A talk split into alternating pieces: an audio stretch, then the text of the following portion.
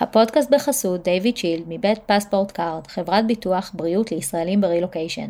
David Shield הופכים את חוויית הרילוקיישן שלכם להרבה יותר חלקה ופשוטה, בזכות פוליסה פשוטה בעברית, שירות לקוחות זמין בעברית ובאנגלית 24/7 וכיסוי נרחב.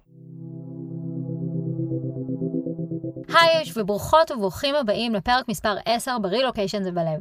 בפרק היום נדבר על הנושא הנחשף שהעליתי אותו אצלי באינסטוש לפני אינסטוש לפני כמה ימים וקיבלתי נערות של תגובות, אה, הוא אה, ביקורים בישראל. אז פתיח ונתחיל.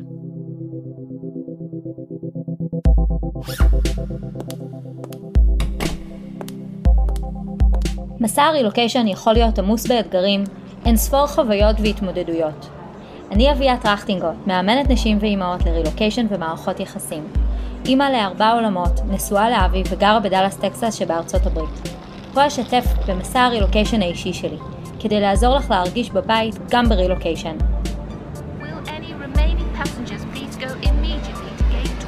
כי רילוקיישן זה בלב. טוב, אז לפני שאני מתחילה, אני רוצה רגע לעצור ולהגיד תודה לכל מי שמאזין ומאזינה. לאחרונה אני גיליתי שיש גם מאזינים גברים, אז תודה רבה. תודה לכל מי שעוצרת ועוצר אה, לכתוב לי תגובות בפרטי. זה ממש ממש מרחיב לי את הלב ומשמח אותי מאוד מאוד. בבקשה תמשיכו. אני ממש אשמח גם, וזו בקשה שלי אליכם, שאם אהבתם והתחברתם לפודקאסט, תספרו לחברים וחברות על הפודקאסט הזה, כדי שהוא באמת יוכל להגיע לכמה שיותר אנשים. טוב, אז ביקורים בישראל. בחיי שכשבאתי לכתוב אה, את הפרק הזה, לקח לי רגע זמן להבין מאיפה בכלל להתחיל. ביקור בישראל, כביכול נראה משהו שמחכים לו מאוד, שזה חופש, שזה חוויה מטורפת. אז זהו, שכן, זה באמת חופש, באמת מחכים לזה מאוד, אבל התמונה היא קצת יותר רגולה ומורכבת. אני חושבת שאפשר לחלק את הביקורים בישראל לשתי תקופות. לביקורים שקורים סמוך למעבר, נגיד בין שנה לשלוש שנים מהמעבר, וביקורים שמתקיימים כבר תקופה מרוחקת יותר מהמעבר, כשהמשפחה או האנשים שעוברים כבר צברו איזשהו פזם במקום החדש, ישן, אליו הם עברו. אני זוכרת מבחינתי, ב, בעיניים שלי, במהלך כל השנה הראשונה שלנו פה, חיכיתי לביקור בישראל כמו אוויר לנשימה. החל מפסח עשיתי ספירה לאחור ברמה של דקות. כל מה שרציתי זה פשוט לעוף מפה ולחזור לישראל לכמה שיותר זמן. החזרה לפה אחרי הביקור הייתה סופר קשוחה, אבל זה כבר לפרק אחר. אני יודעת שהתחושות בשנה הראשונה ובכלל הן סופר סובייקטיביות, אבל מה שכן מאוד מאוד נוכח אצל כל מי שדיברתי איתה, שעשתה רילוקיישן, זה התחושה הזאת של התלישות וההסתגלות המטורפת למקום חדש. זה משהו שבא לידי ביטוי בכל פרט קטן בחיים שלנו. החזרה לישראל בקיץ, הביקור הזה, הוא סוג של מנוחה מנטלית מכל ההסתגלות המטורפת שמתישה את הראש ואת הנפש מאוד מאוד מאוד. זה שלב שבעיניי, בגלל שאנחנו כל כך עדיין ב state of mind של הסתגלות, יש שם המון המון געגוע לישראל, להכל, גם לחלקים הפחות כיפים שלה. קראתי פעם פוסט בפייסבוק שאני לא זוכרת מי כתב אותו, ולצערי אני לא יכולה לתת קרדיט, אבל אם אני מתמצתת אותו, אמ, הוא דימה את הרילוקיישן לשני סוגים של בחורים. בחור אחד, נקי ומסודר, יש לו מנוי בחדר כושר ולו"ז מסודר, הוא מחזיק בעבודה יציבה עם משכורת יפה, הוא מנומס והולך לפי הספר, הוא משרה ביטחון, כזה שכל אימא הייתה רוצה שהבת שלה תביא הביתה. ויש את הבחור השני. הבחור השני הוא חתיך הורס. אסרטיבי, משיג כל מה שהוא רוצה בחיים. הוא מתוחכם ויש לו חוכמת חיים, כמו גם חוכמת הרחוב. רק מה? הוא לא מחזיק בעבודה מסודרת, הוא מתנהל כזה מפה לשם. תמיד הוא מסתדר בסוף, אבל עד שזה קורה, יש הרבה בדרך.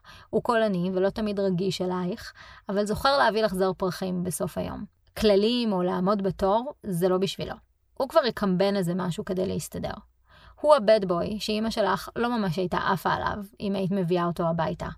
פשוט, כי למרות שיש בו מלא מלא צ'ארם, הוא משדר הרבה פחות יציבות מהבחור הקודם, המסורק עם המנוי בקאנטרי המפונפן. אבל את, את דווקא רוצה את הצ'ארמר. יותר כיף איתו ויותר מסעיר. החיים הם הרפתקה, וזה משהו שממש עושה לך את זה. מה גם שבחיים שלך חווית יותר מערכות יחסים כאלה, והתרגלת לסוג הזה של הבחורים. אז מה עכשיו לבחור באיזה מעונה ומסורק שבטח מתנהל רק על פי כללים, ולא זורם עם שום דבר באופן ספונטני בחיים? אני מניחה שהדימוי ברור ושכולם הבינו שישראל היא הבחור השני. הכובש והכריזמטי, הפחות מעונה ומסורק, או זה שעובד לפי הכללים. את רגילה עליו גדלת עליו, שירתתם יחד בצבא, יש לכם חוויות משותפות ומלא מורקים יחד. יש בו משהו שאי אפשר להסביר במילים, שפשוט אין לאף אחד אחר.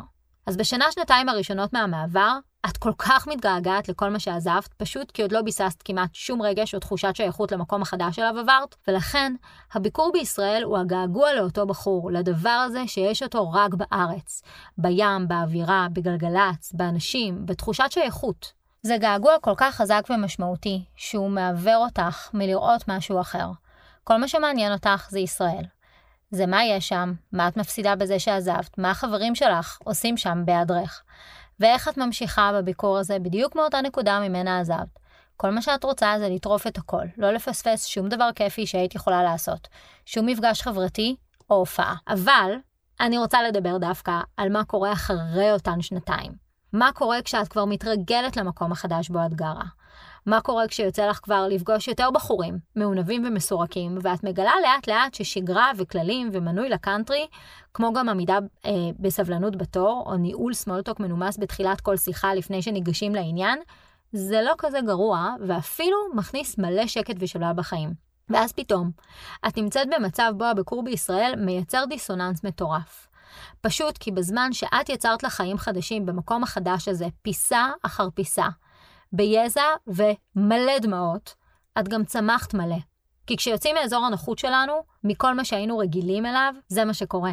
והצמיחה הזו באה לידי ביטוי ביכולת שלך לעשות זום אאוט מעצמך ולגלות דברים חדשים בחיים, כמו למשל, לשנות את האני מאמין ההורי שלך שהיה איקס ופתאום כשנהיה שקט מסביב וכל הקולות רקע המוכרים שהיית רגילה אליהם מישראל פתאום נעלמו, והבנת שאולי את רוצה משהו אחר מהדרך בה את מחנכת את הילדים שלך, בה חינכת את הילדים שלך עד כה. אז את פותחת את הראש לשיטות ודרכים חדשות, ומתחילה לאט לאט לייצר מציאות חדשה בבית שלך, ללא הפרעות. אין שם הפרעות כי אף אחד לא שם, לטוב ולפחות טוב, לבודד ולמתגעגע. ועל הדרך את מכירה נשים חדשות מתרבויות אחרות, ונחשפת לתרבות שלהן ולצורות חשיבה חדשות שעד עכשיו היו זרות לך לחלוטין. אבל הן כבר שם, התרבויות החדשות, מול הפרצוף שלך. ובגלל שאת כבר בתהליך כזה של צמיחה שאת לא ממש מודעת אליו, כן? אבל הוא קורה, הוא קורה תוך כדי, את בוחרת במקום לבטל אותן, במקום להתעלם מהן, דווקא לנסות להבין אותן. כי את כבר שם, אז למה לא בעצם?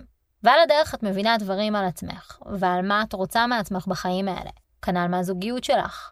פתאום את מבינה שיש לך בעצם הזדמנות לבחון את המערכות יחסים בחיים שלך. את מה את היית רוצה עבורך בתוך אותן מערכות יחסים. כאלה שנשארו בישראל, וגם כאלו שקיימות כרגע, איפה שאת נמצאת. וכן, אני אגיד פה בקול שעצם המרחק הוא בעצם פריבילגיה. הוא פריבילגיה מאוד נוחה לברוח מהצורך הזה להתמודד עם הרבה מאוד לא נעים לי, ומה יגידו, שאם היינו גרות בארץ היינו צריכות להתמודד איתו במינון הרבה יותר גבוה. מצד שני, היעדר ה... מרחק, זאת אומרת, המרחק, היעדר זה שאין פה קרבה פיזית לאנשים שאנחנו עסוקות במה הם יחשבו עלינו ומה הם יגידו, מאפשר לנו להתאמן מאפשר לנו להתאמן על זה שהלא נעים לי ומה יחשבו עליי, יפסיק לנהל אותנו. הוא מאפשר לנו סוג של uh, תנאי מעבדה כאלה. געגוע תמיד נמצא, הגעגוע אף פעם לא הולך, אבל הגעגוע מפסיק לנהל אותנו, אנחנו פחות עיוורות ממנו, אז אנחנו גם יכולות לקבל דברים חדשים פנימה לחיים שלנו.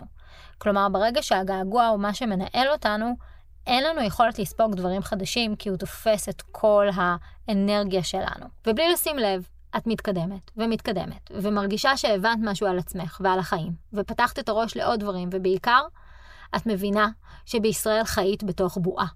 בועה חמימה וסופר נעימה, רוב הזמן, בועה שלא משנה כמה שנים יעברו, את תמיד, תמיד, תמיד תתגעגעי אליה.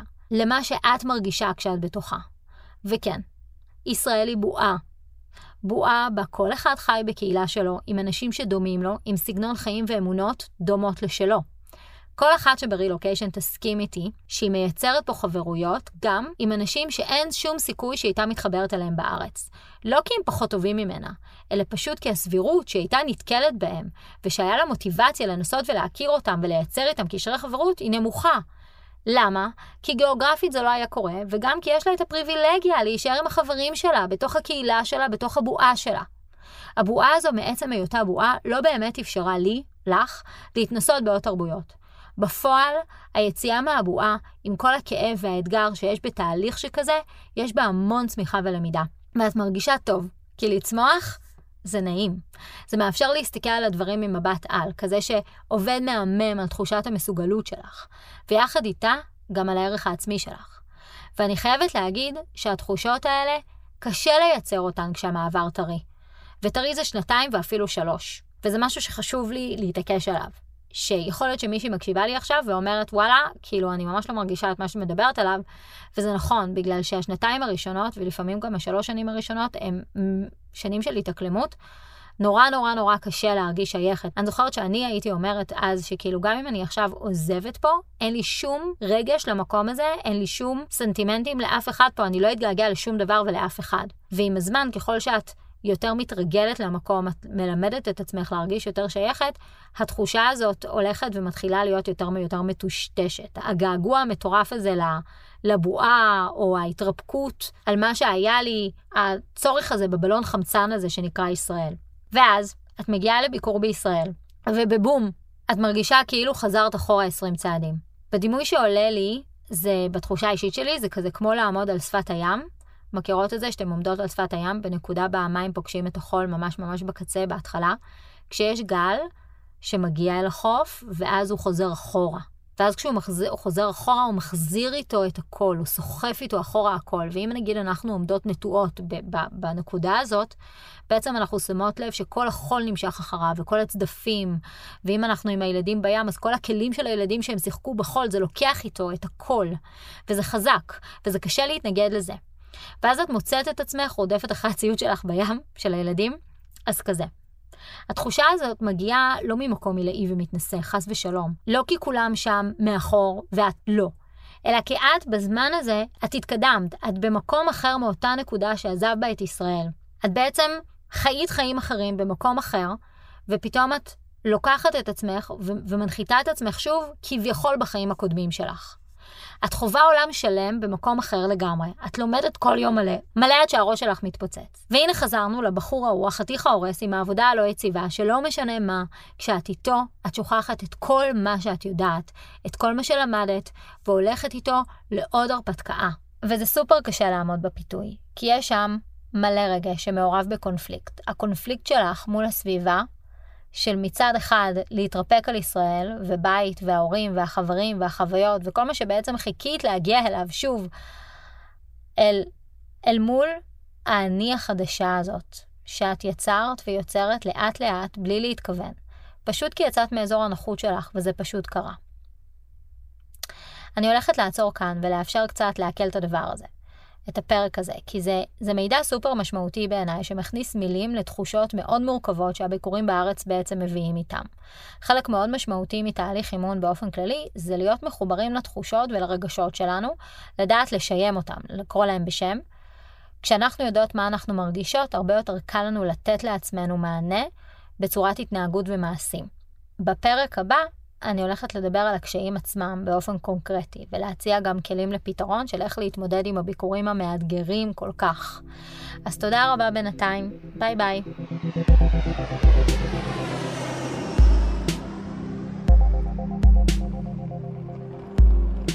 אני אבקש שתיקחי לך רגע ותחשבי, מה את לוקחת מהפרק?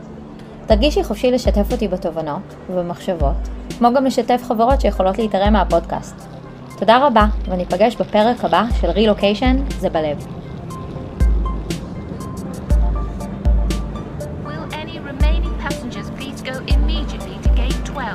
where the flight is now closing.